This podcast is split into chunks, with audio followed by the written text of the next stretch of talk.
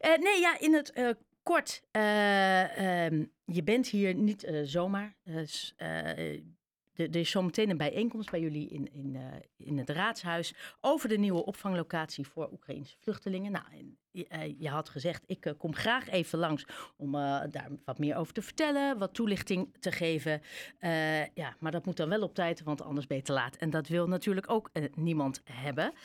Um, dus fijn dat, je, fijn dat je er bent. Moet je heel erg haasten of valt het nog een beetje mee? Nee, nu valt het mee, want ik ben lekker op tijd nu. Oké, nee, heel fijn. Um, nou ja, ik zei, ik zei het in het kort. Er komen uh, nog vier opvanglocaties voor Oekraïense vluchtelingen in Heemstede. Nou ja, en dat is natuurlijk, nou ja, dat zijn uh, we allemaal eens. Dat is goed ook, want uh, het einde van de oorlog in Oekraïne lijkt nog niet in zicht. En dat betekent dat het aantal vluchtelingen die hun land moet verlaten blijft toenemen. er wordt ook steeds meer in het nieuws komt eh, dat het aantal vluchtelingen dat ook uh, naar Nederland toe zal komen, uh, ja, daar komen een groot aantal bij. Jullie hebben vier extra locaties nu. Drie, één was er al bekend, drie zijn daarbij gekomen. Ik ben natuurlijk heel benieuwd waar ze precies zijn, hoe jullie het gaan opvangen. Eén locatie, daar is wat om te doen. Nou ja, veel te bespreken. En jij gaat, eh, u heeft gezegd, u gaat ze allemaal beantwoorden. Ja, zeker. Uh, daar waar ik kan. Nee, ik ga gelukkig over mijn eigen antwoord. Dat, uh, dat is heel fijn. Want laten we beginnen bij het begin. het is simpelweg onze plicht om ja. mensen te helpen. Ja. En het lijkt er ook dat heel Heemse daarin heel eensgezind is. Ja, volgens mij wel. Ja, dus het is heel fijn om niet naar het vluchtelingenverdrag te hoeven verwijzen, waar die verplichting ook in staat. Uh, raadsbreed is een motie aangenomen. We merken ook dat er enorm veel steun is uit de bevolking qua spullen, maar ook ja, op onze eerste locatie uh, kregen omwonenden een rondleiding en meteen waren er een aantal mensen die bleven om bedden in elkaar te zetten. Nou ja, weet je, fantastisch. Ook vrijwilligers die zich aanmelden voor een coördinatierol of iets anders op die locatie. Um, um, vragen die ook gesteld worden door bewoners van wordt er wel gezorgd voor het onderwijs voor de kinderen die ook komen en uh, uh, houden jullie, bewaken jullie ook de veiligheid van de, van de vluchtelingen? Dus enorme betrokkenheid in Heemstede. Heel mooi om te zien. Ja, daar kom ik trouwens zo meteen nog wel even op terug. Want inderdaad, het opvangen is één. Maar je moet natuurlijk ook heel veel, daar komt nog veel meer bij kijken. Dus ja. dat ben ik ook natuurlijk heel benieuwd naar. Um, er komen vier extra locaties. Um, we hebben het over de Koostamlaan, de parkeerterreinen van het Raadhuis, Sportpark Groenendaal en de Prinshof aan de Glipperdreef, die was al bekendgemaakt als opvanglocatie. Ja, ja. Hoeveel mensen gaan jullie en kunnen jullie in totaal opvangen? op deze vier locaties? Nou, als we deze uh, locaties allemaal uh, ten volle benutten, uh, dat hangt ook een beetje af over wat we krijgen aan, wat met ons gematcht wordt, zeg maar. Ja. want de locaties zijn op zich groot, groot genoeg, maar als je daar twee, een stel in onderbrengt, dat, dan heb je er twee. Uh, maar als je een gezin met twee kinderen uh, op een locatie onderbrengt, dan heb je natuurlijk vier opgevangen. Maar ik denk dat we richting de 150 gaan, potentieel als capaciteit. Hè? Dat is nog niet gerealiseerd. Nee. En, en we hebben het over noodwoningen. Hè? Er worden noodwoningen neergezet, want dat was de snelste methode en de snelste oplossing om dat te kunnen garanderen. Ja, we hebben natuurlijk eerst gekeken naar ons eigen vastgoed. Dat heeft de ja. Kerklaan, het oude politiebureau, opgeleverd en de Prinsenhof. Dat uh, is een oud gemeenschapsgebouw. Dat wordt verdeeld in een zestal kamertjes met een keuken erbij.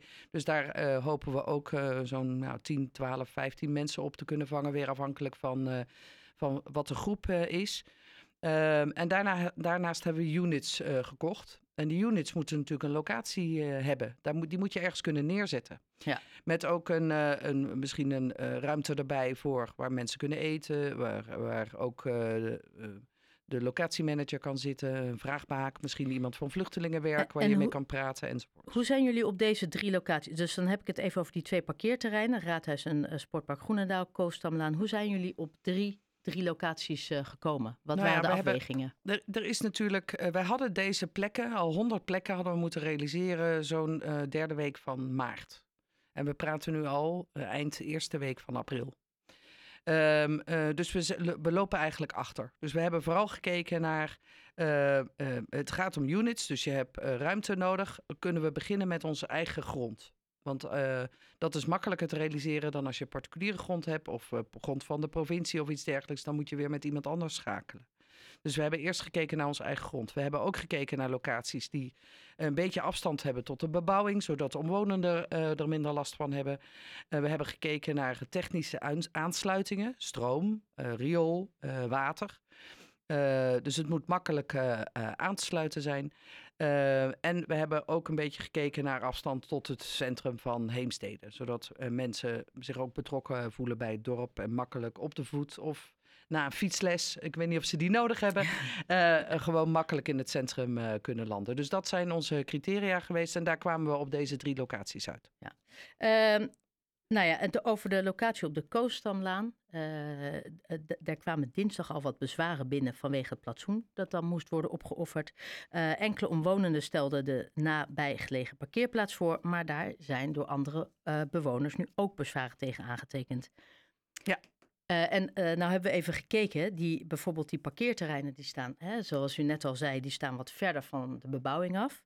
Maar bij het Koostamlaan, dat is echt wel redelijk dicht op de bebouwing. Is er een kans, ook nu dat er meerdere uh, bezwaren zijn binnengekomen, zowel op dat gas over dat groen als over de parkeerplaats, dat die locatie misschien niet doorgaat vanwege deze redenen en de bezwaren? Nou ja, we hebben nu een aantal locaties geïnventariseerd. En uh, ik heb ook al in de gemeenteraadsvergadering van afgelopen maandag gezegd: uh, we realiseren ze in volgorde van realiseerbaarheid. Uh, dus de locatie die het snelst gerealiseerd kan worden, die doen we als eerste. Welke van de drie dat is, dat weet ik op dit moment niet. Want de technische aansluiting wordt natuurlijk nu onderzocht. Ja.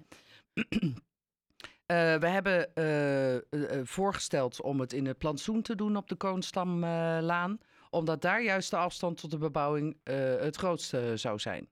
Vanuit de wijk kwam toen de suggestie om de parkeerplaats ook te bekijken. En de wethouder heeft ook in de raadsvergadering gezegd... die, de factoren die wij gewogen hebben en ook afstand... en is het überhaupt op dat parkeerterrein te realiseren, hè, die units? Want daar staan natuurlijk wel lantaarnpalen en, uh, en hegjes en hekjes en weet ik veel wat. Dus daarvan heeft de wethouder al gezegd, die gaan we bekijken. Ja, maar en, daar zijn dus nu ook bezwaren over gekomen. Ja, en dat, dat lag natuurlijk wel een beetje voor de hand. Omdat ja. de bezwaren tegen plafond, plantsoen... die kwamen natuurlijk voor een deel ook uit, uit de wijk... maar die kwamen ook vooral ook, van, van omwonenden daar... Uh, en ik, ik moet zeggen, ik heb, ik heb foto's gezien en ik heb ook wel natuurlijk een keer in het echt gezien hoe dat, hoe dat veld daar volop in bloei staat uh, in mei, uh, juni. Dat is natuurlijk ook wel een prachtig gezicht. Ja, en er maar... is niet zo heel veel groen, dus mensen zijn ook een beetje dat zeggen, nou ja. dat is dan een mooi stukje groen wat ook nog eens heel mooi bloeit. Ja. Is er geen andere oplossing? Nou, de nou, oplossing kijk. die dan werd gezegd, daar zijn ja. andere mensen dan weer niet mee eens. Precies. Dus daarover hebben we juist vanavond het mooie gesprek in het gemeentehuis. Daar ben ik heel benieuwd naar wat, uh, wat vanuit uh, de aanwezigen daar wordt, wordt ingebracht. Maar ik denk dat we even ook. Uh, ik neem je even mee terug. neem mij mee terug. Want dit gaat om zes maanden. Die units hebben we. Uh, de, de, de nood is hoog, want de Oekraïners komen gewoon deze kant uit. Die moeten onderdak krijgen. Sommigen zitten bijvoorbeeld in hotels, dat is natuurlijk niet ideaal. En sommigen hebben nog helemaal geen plek. En wat ik zou willen voorkomen is dat we uiteindelijk uh, een gebrek aan uh, plek hebben, zodanig dat we de sporthal, uh, net zoals de Bijnershal in Haarlem, ja. moeten volzetten met, met bedjes. Dat is en voor, voor de gemeenschap niet wenselijk, want dan kan er niet gesport worden. Maar ook voor de mensen zelf. Ze hebben helemaal geen privacy, ze kunnen eigenlijk niet autonoom koken en proberen een beetje van het leven te maken wat, ze, wat er van ja. te maken valt. Maar natuurlijk denken we vooruit. Dus het is nu voor zes maanden. Het kan ook nog uitlopen tot negen maanden. Dat kan ik niet, uh, niet garanderen. Maar natuurlijk denken we al na over, stel dat dit twee jaar duurt. Wat gebeurt er dan? Exact. En dat, dat kan natuurlijk daar niet op die locatie. Dat blijft daar uh, niet. Dan zullen we andere plekken moeten verzinnen. En daar zijn we nu ook al over aan het nadenken. Daar zullen we ook wellicht uh, gesprekken met de provincie over moeten voeren. Misschien wat particuliere eigenaren. Om te kijken hoe je die horizon van twee jaar uh, kunt, kunt invullen. En tegelijkertijd weten we ook dat er andere groepen zijn. Er zijn nog statushouders die we moeten huisvesten.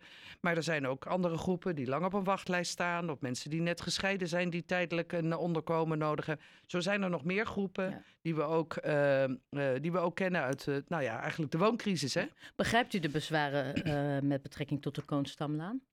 Ik begrijp het. Uh, en tegelijkertijd hoor ik ook in, de, in, in beide bezwaren, dus zowel de bezwaren tegen uh, het plantsoen als de bezwaren tegen het parkeerterrein, dat, er, uh, dat het de eerste reactie is: natuurlijk zijn wij bereid om Oekraïners op te vangen. Um, en ik, uh, nou ja, ik ben heel benieuwd naar uh, hoe dat gesprek uh, vanavond ja, gaat, dat, gaat verlopen. Vanavond, hè, we hadden het er net over, vindt er een bijeenkomst plaats.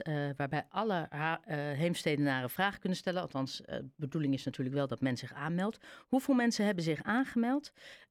en wat verwachten jullie?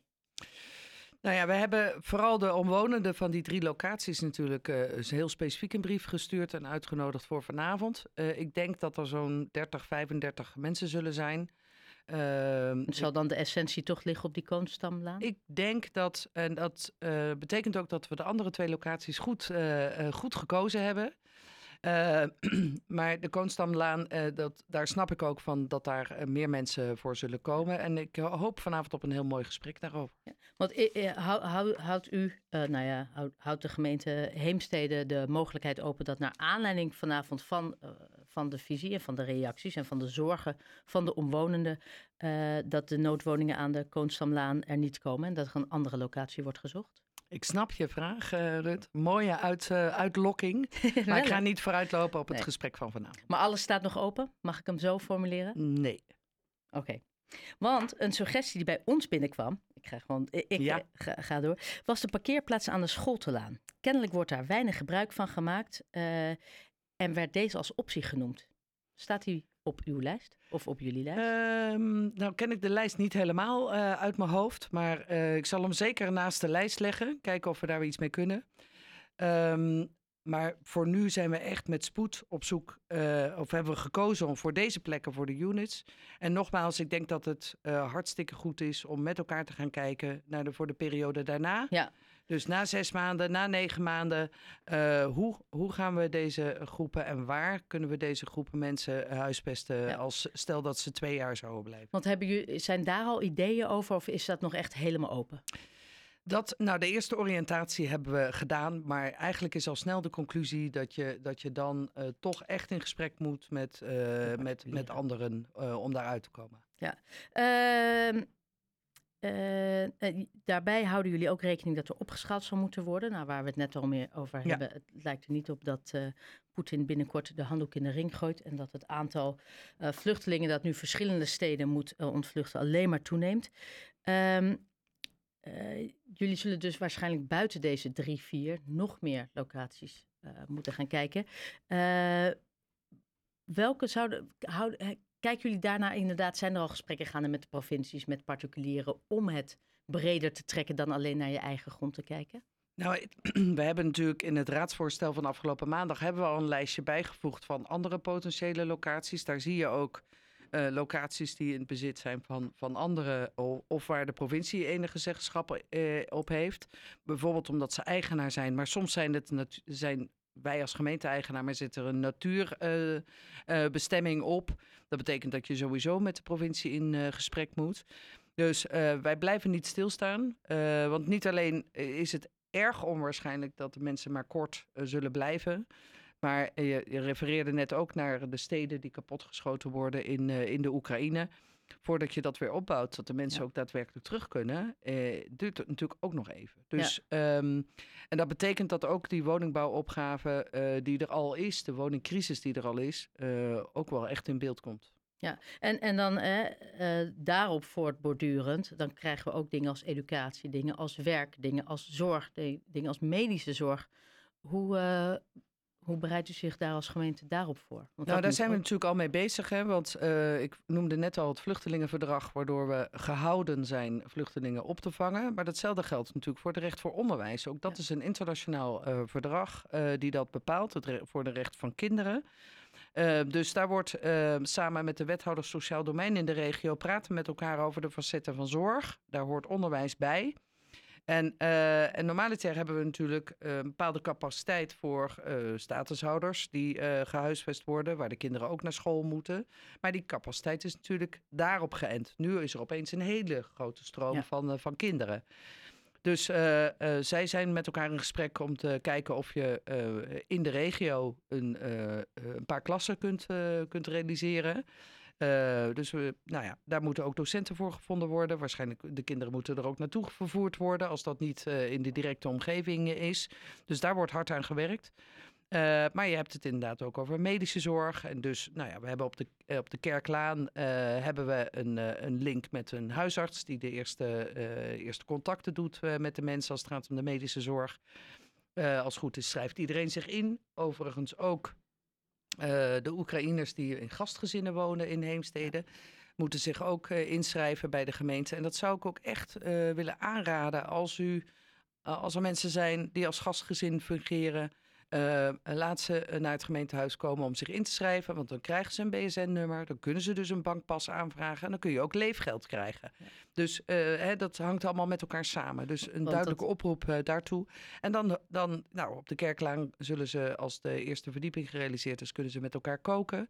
Dan, dan ontstaat er een stuk autonomie in je eigen leven, die denk ik heel erg belangrijk is. Ja, want met betrekking tot de gastgezinnen, hè, daar zijn natuurlijk worden, dat is iets heel moois. Maar bijvoorbeeld uh, burgemeester Wien heeft ook gezegd, denk daar goed over na. Ja. En zeker wat we zeggen, ja, we gaan uit van zes maanden, maar het kan zomaar twee jaar worden. Ja. Hoe, hoe buigen we dat om? Is daar straks ook ruimte voor dat als gastgezinnen zeggen van nou, dit was mooi en nu verder? Of misschien dat de Oekraïnse vluchtelingen zeggen we willen nu verder.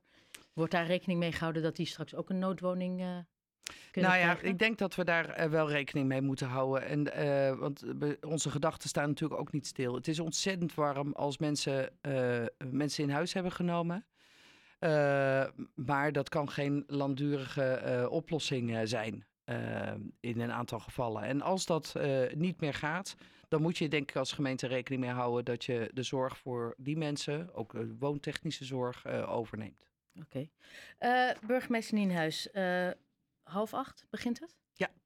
Heel veel succes. Zeg ik dat goed? Ja, dat weet ik eigenlijk kijk niet. meteen even in mijn kijk, agenda. Kijk even.